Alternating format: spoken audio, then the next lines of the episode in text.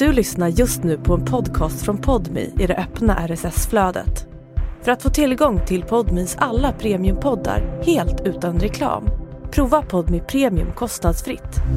Ladda ner appen i App Store eller Google Play.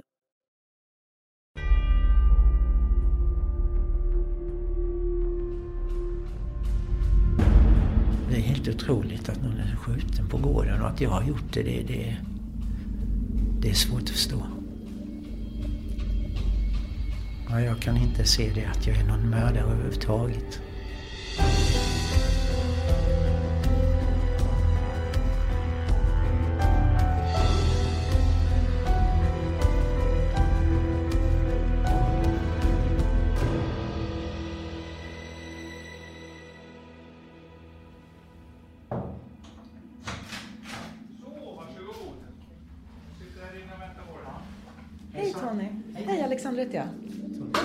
Träffas. Du får slå dig ner. Du lyssnar på Bakom galler, en exklusiv podmi-produktion där Susanna Histrius och jag, Alexandra Sannemalm, träffar människor som dödat eller begått andra grova brott och nu sitter inne. Hur hamnar man egentligen där? Och hur ser vägen tillbaka ut? I det här avsnittet intervjuas Tony Ledel som avtjänar ett 18 år långt fängelsestraff på Kumlaanstalten. I maj 2018 sköt han ihjäl en person som utövade utpressning mot hans son. Efter att han skjutit den här mannen hotade han ytterligare två personer med gevär. Det här berättar han mer om i det här avsnittet. Hur är det att som 61-åring plötsligt hamna på en av landets högsäkerhetsanstalter där de värst kriminella avtjänar sina straff? När han kommer ut igen kommer han vara 73. Hur kommer livet att vara då? Vi varnar känsliga lyssnare för starkt innehåll.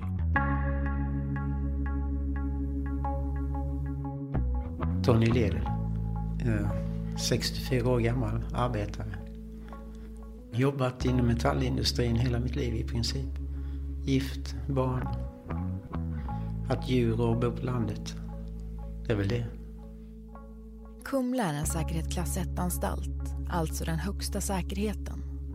Den är utrustad för att klara av de mest riskfyllda personerna. Vi träffas i ett av anstaltens besöksrum. Det är ett ganska litet rum med vita väggar och galler för fönstren. Det enda som pryder väggarna är den röda larmknappen och en tom anslagstavla. Under den finns ett litet bord med två stolar där vi sitter och gör den här intervjun.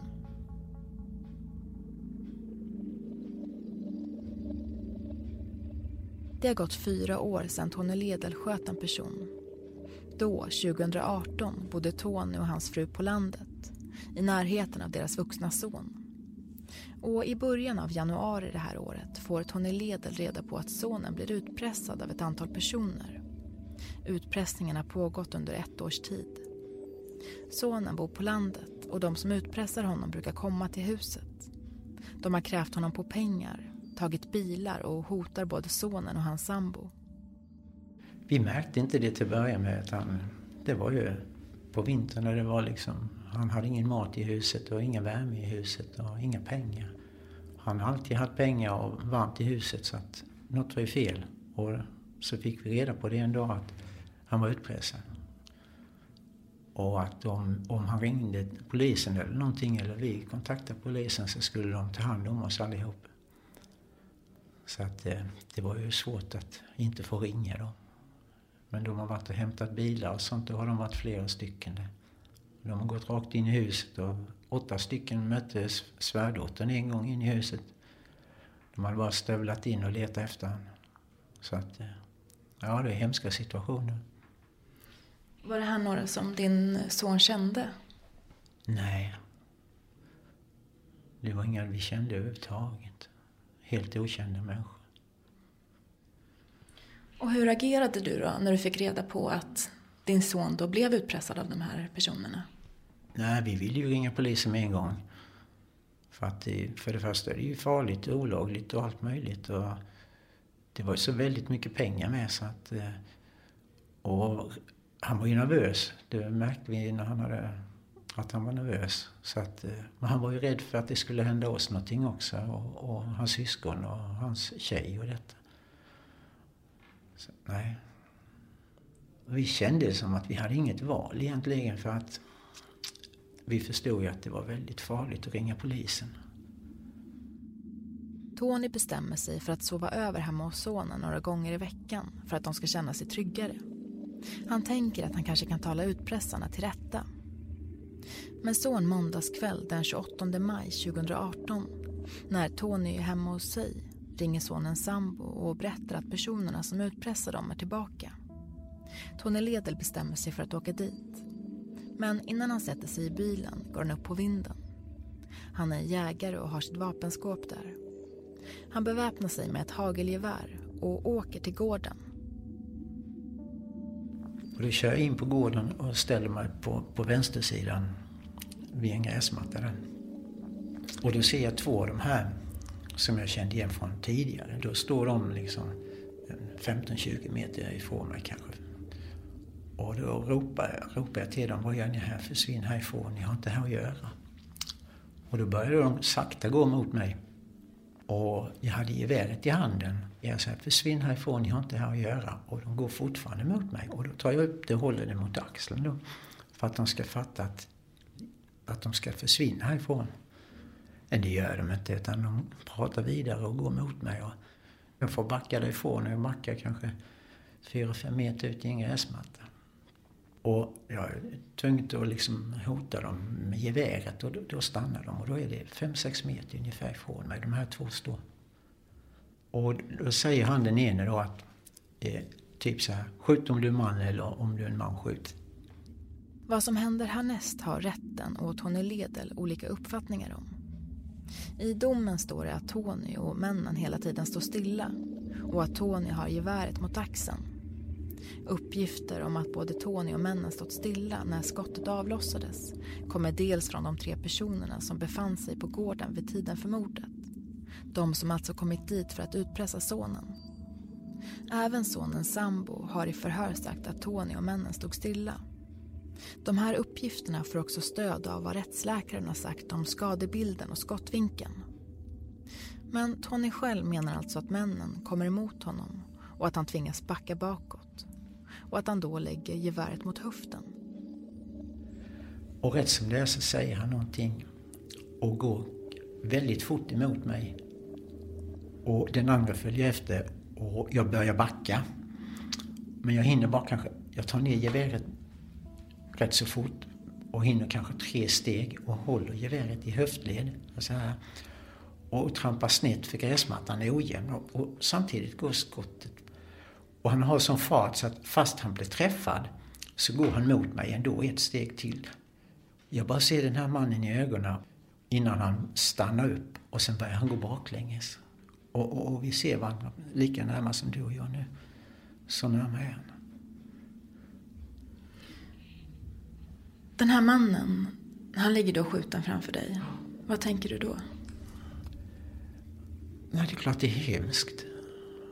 Att man har skjutit. Alltså, det går inte att göra ogjort utan det är helt otroligt att någon är skjuten på gården och att jag har gjort det, det, det, det är svårt att förstå. Det är hemskt. Är det jobbigt att prata om? Det är en jobbig situation. Det är inget man vill uppleva igen. man har avlidit efter att ha blivit skjuten med ett hagelgevär i Hylte kommun i Hallands län. En misstänkt gärningsman har under kvällen här kunnat gripas och misstänks nu för mord. Polisen har inlett en förundersökning gällande just misstänkt mord. 2019 döms Tony Ledel för mord, mordförsök, grovt vapenbrott och grovt olaga hot till 18 års fängelse. Efter att han har skjutit den 35-åriga mannen ska han enligt domen ha tvingat ner de andra männen till marken och hotat dem med geväret. Han ska också ha riktat geväret mot huvudet på en av männen och tryckt in avtryckaren. Men vapnet klickade och inget skott avlossades. Att Tonys son och dennes sambo har blivit utpressade framgår också i domen. Tony Ledel menar själv att han har agerat i nödvärn. Han erkänner att han har skjutit den 35-åriga mannen men menar att han inte haft något uppsåt att döda. Han säger också att han inte har hotat att skjuta de andra männen eller att han har försökt avlossa ett andra skott. Men rätten gör alltså en annan bedömning. I domen står det att det har funnits en nödvärnssituation men att den upphörde i samma stund som Tony Ledel gjorde männen försvarslösa. Och i maj 2019 fastställer hovrätten tingsrättens dom. 18 års fängelse. Du är dömd för mord, mordförsök, grovt vapenbrott och grovt olaga hot och har varit frihetsberövad sedan den här händelsen. Hur ser ditt liv ut idag? Nej, det är ju rutiner hela dagarna. Eh, vi gör samma sak varje vecka. Eh, själv lagar jag mat två dagar i veckan, spelar gitarr två dagar i veckan. Eh, ja, sen är det ju de här... Vi är ju inlåsta på en avdelning så man liksom kommer ingenstans utan man är på den här avdelningen i princip hela tiden. Vi har en timmes rast då. Man kan gå promenadgården. Och det gör man ibland. Så att nej, det är inte mycket. Det är rutiner. Skulle du kunna berätta om hur en dag ser ut, en vanlig dag för dig? Ja, måndagar har vi ASV. Det är, det är strukturerad verksamhet. Då brukar jag spela gitarr. Jag håller på att lära mig det. Och det har jag lärt mig här inne. Jag har aldrig spelat gitarr innan så att det är ett nytt intresse. Och sen går vi upp och äter och det brukar vi göra runt 12. Då är det någon, någon intagen som lagar mat.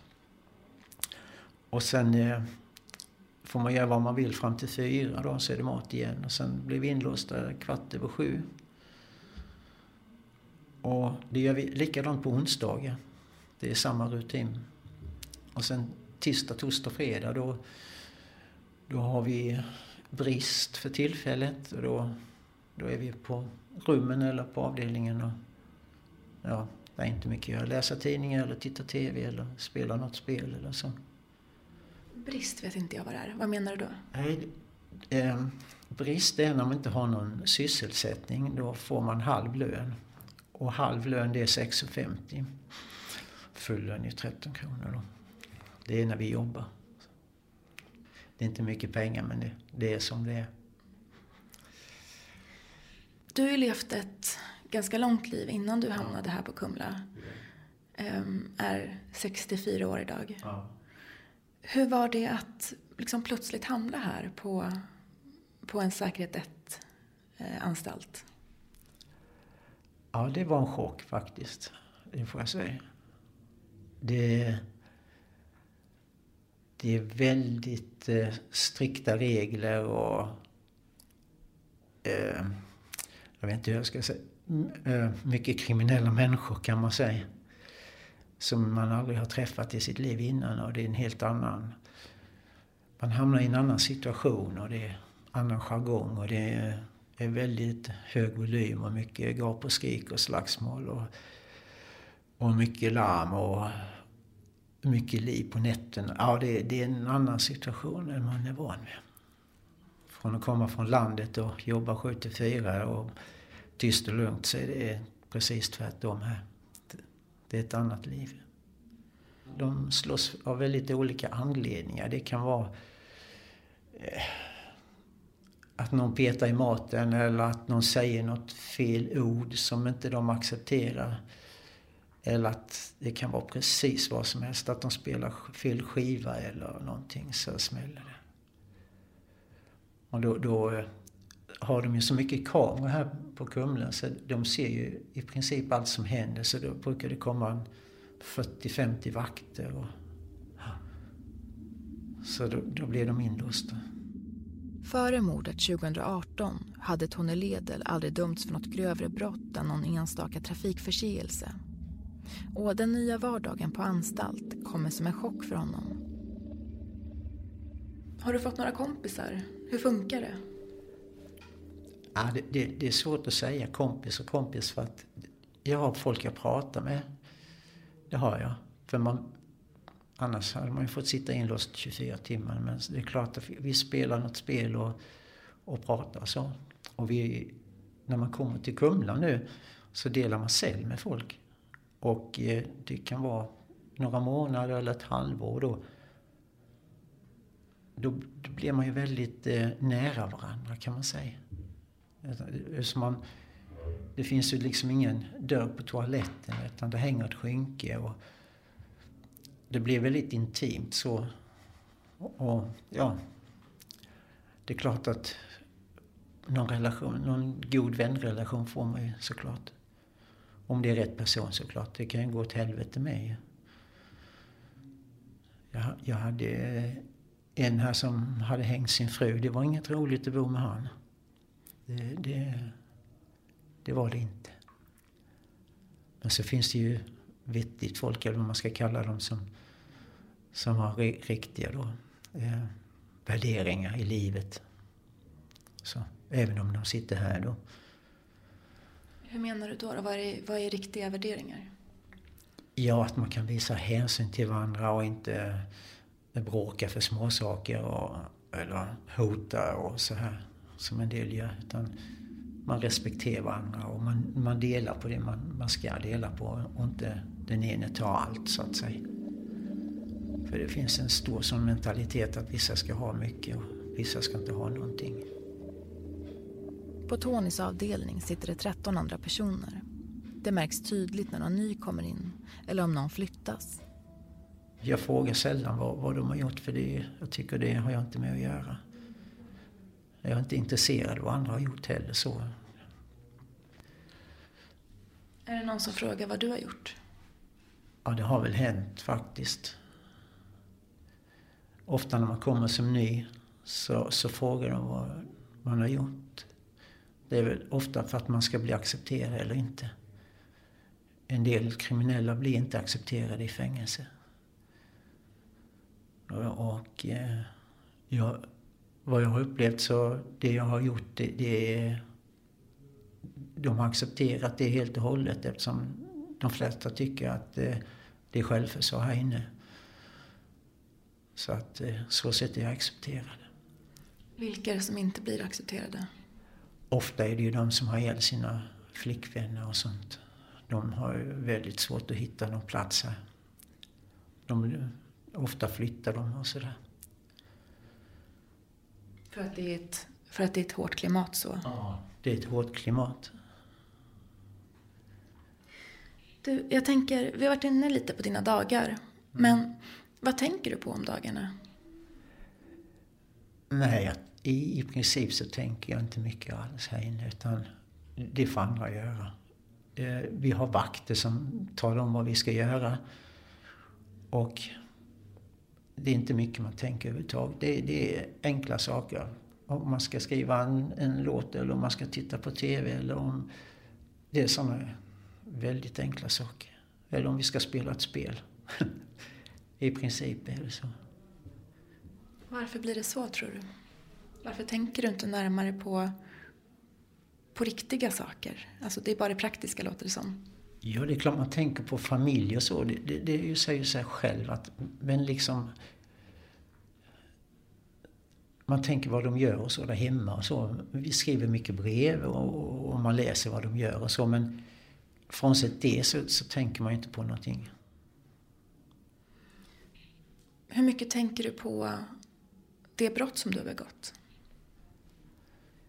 På själva brottet, att, att skottet gick av, det tänker jag inte mycket alls på. Däremot så kan man ju tänka på själva händelsen om man kunde gjort något annat kanske och inte tagit med det där jävla geväret utan kommit dit utan gevär. Men alternativet hade varit att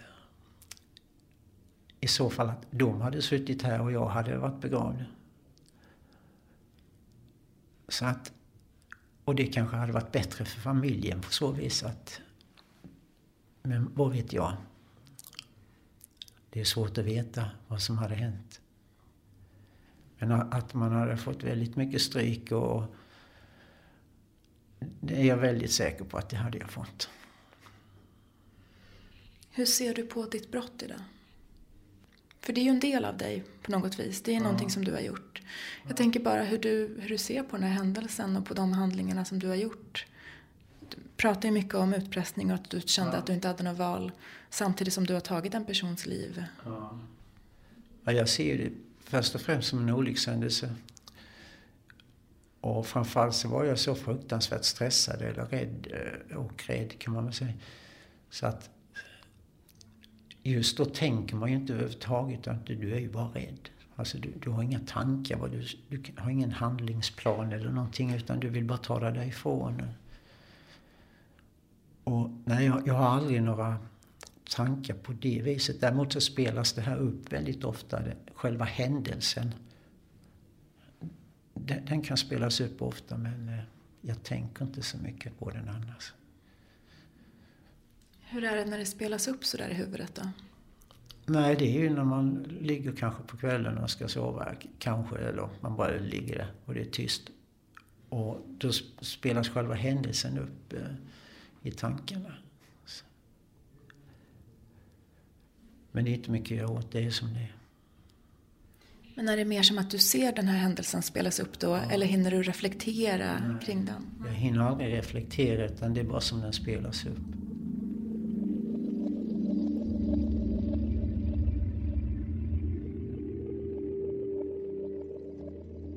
Hur har du förändrats efter den här dagen? Ja, det är en svår fråga. Det, det, vet jag faktiskt inte. Jag har ju tappat tron på rättsväsendet. Det är väl det som är det största. Men det är inget jag kan göra åt. så att Det är inte mycket man kan göra åt. Här inne man är lite rättslös. Man får bara anpassa sig och låta dagarna gå och ta en dag i taget. De talar om vad du ska göra så gör du det och sen... Det är så livet är nu för tiden. Hur ser din relation ut idag till din familj? Ja, jag tycker den är bra. Jag ringer tio minuter till min fru varje månad. Jag skriver brev. Jag pratar med min grabb. Så att, och jag får reda på vad, hur de mår. Och det, det är liksom det som gör att man orkar med det här. Får du ta emot besök av dem? Ja, det får jag lov. Ja. Hur ofta kommer de då? Eh, ja, de har faktiskt inte varit här. Så det, det är inte så ofta. Varför har de inte varit här? Nej, det är många olika anledningar. Men min grabb, han, min lille grabb, han är handikappad och han, han klarar inte av att folk eh, rör på han eller okända människor då. Det här är ingen trevlig miljö för han alls och jag vill inte att de ska uppleva det. Så att eh, det är lite så det är. Och de andra då, vad tänker de? Eh, ja, tösen har, fakt tösen har faktiskt varit här. Eh, eh, det har hon varit och hälsat på. Hur var det att få det besöket då? Ja, det var ju väldigt bra. Men två timmar går ju väldigt fort och det är jobbigt när de går. Så är det. Jag ser att du tycker att det är jobbigt att prata om. Är det jobbigt att de ska se dig i den här situationen, tänker du? Eller är det mer att ni inte får träffas som är påtagligt? Nej, jag vet inte faktiskt. Det är väl det att det är en jobbig situation helt enkelt. Det är ingen som önskar att man är här överhuvudtaget. Men tio minuter i månaden får du ringa din fru. Varför är det så sällan ni får höras? Jag anses ju kriminell tydligen. Så att, eh, men här finns faktiskt dubbelmördare och trippelmördare och de största knarkbaronerna som finns som har fria samtal kan ringa hur mycket som helst. Men de har varit kriminella hela sitt liv så att det är väl skillnad på, på sånt folk och en sån som mig då. Som inte ens eh, kan prata om det. Jag vet ju inte, eh, vad ska jag prata om? Alltså, i telefon. Det är ju inga kriminella handlingar vi gör i vår familj överhuvudtaget. Så det är bara jag som har råkat illa ut en gång, en dag. Du ser inte dig själv som en mördare? Nej. Jag Varför? ser inte mig som varken mördare eller kriminell. Nej, nej, det gör jag inte.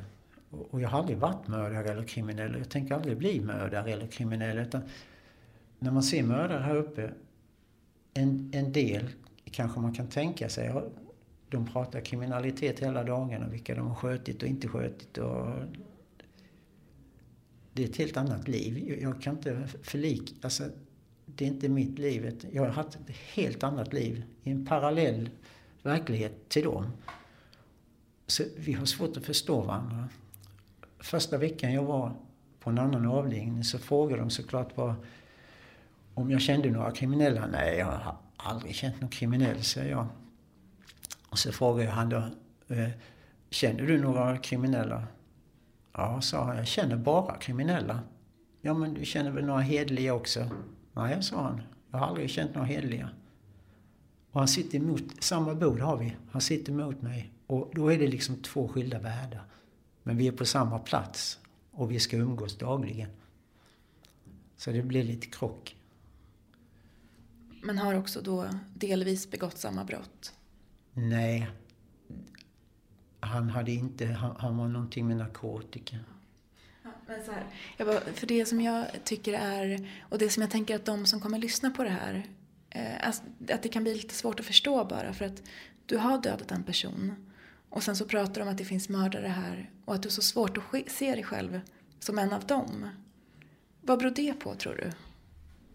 Jag har aldrig sett mig som, som en, en mördare överhuvudtaget och har aldrig tänkt att jag skulle mörda någon utan det var ju en olycklig omständighet, en olycka. Och, alltså, man kan inte bli, få en stämpel av en olycka. Det tycker jag inte. Att åklagaren tycker det, det, tycker jag är en annan sak. Men det är ju inte min uppfattning. Och jag tror inte det är, det är väldigt många här inne som inte tycker jag är en mördare. Och folk tycker jag inte passar in här för att jag är ingen kriminell människa. Så att, nej nej. Jag kan inte se det att jag är någon mördare överhuvudtaget.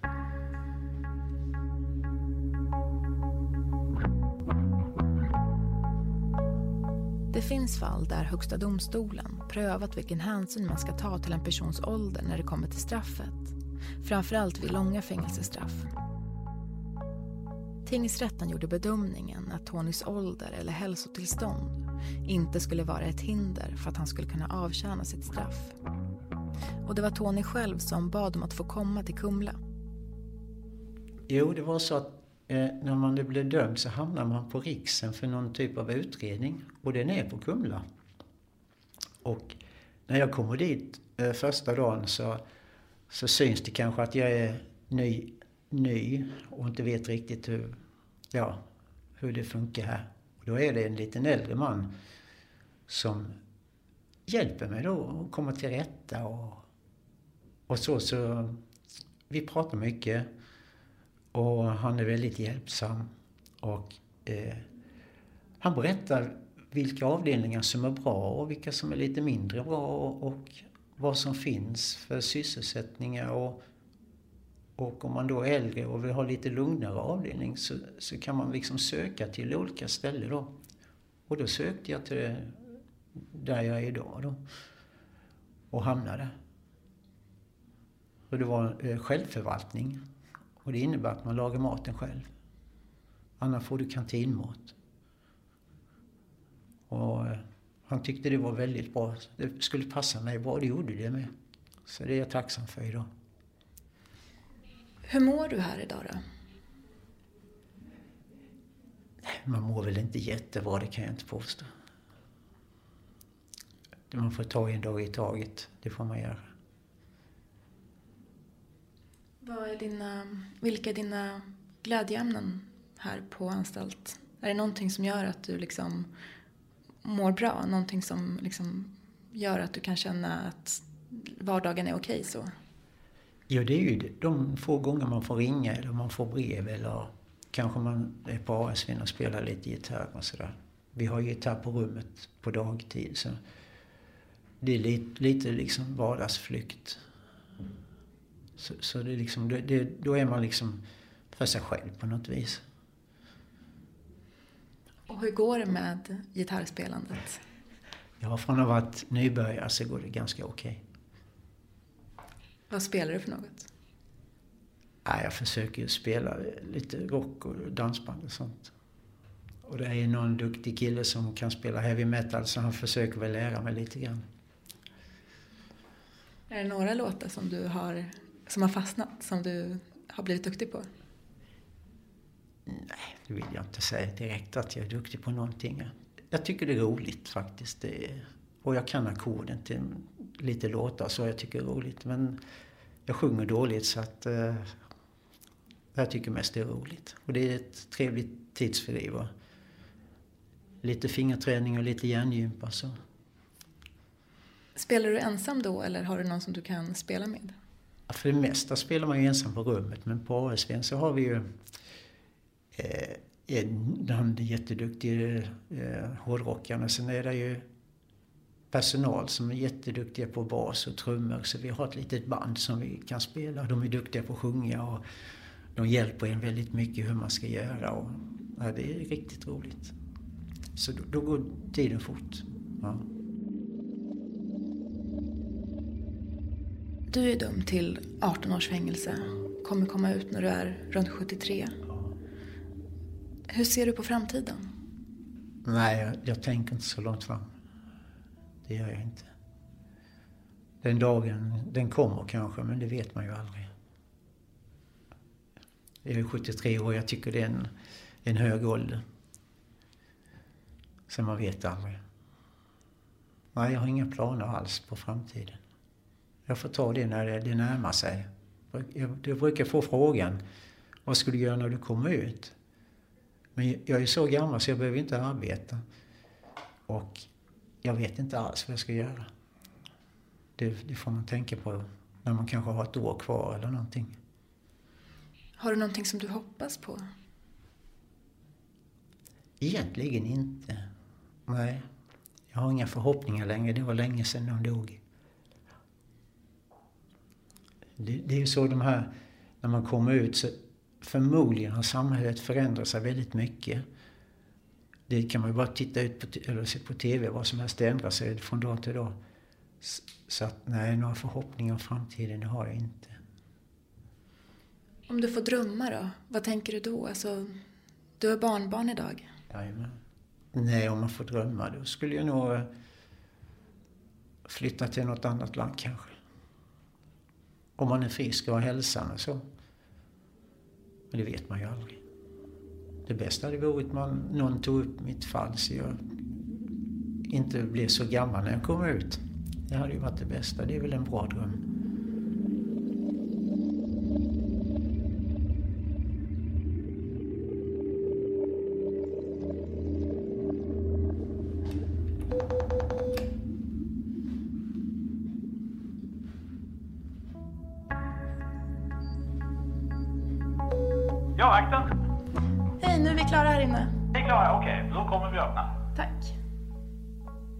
Ser fortsättningen av din dag ut idag då? Fortsättningen är att eh, nu när jag kommer upp så förmodar jag att de håller på med maten. Då ska vi äta någonting. Och sen eh, lånar jag förmodligen en gitarr och går in på rummet och spelar lite. Och sen blir det kanske en nattmacka eller någonting innan inlåsning. Och sen låses vi in kvart över sju och sen blir det TV. Det bästa på dagen det är ju när de låser in dig och det blir så tyst och lugnt och skönt så att det är väl det man ser fram emot under dagen. Inlåsningen.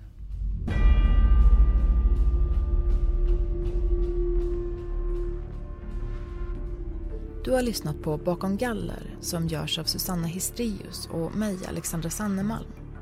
För ljud och form står Fredrik Nilsson. Slutmix Johan Hörnqvist. Nyhetsklippet i programmet kommer från Expressen.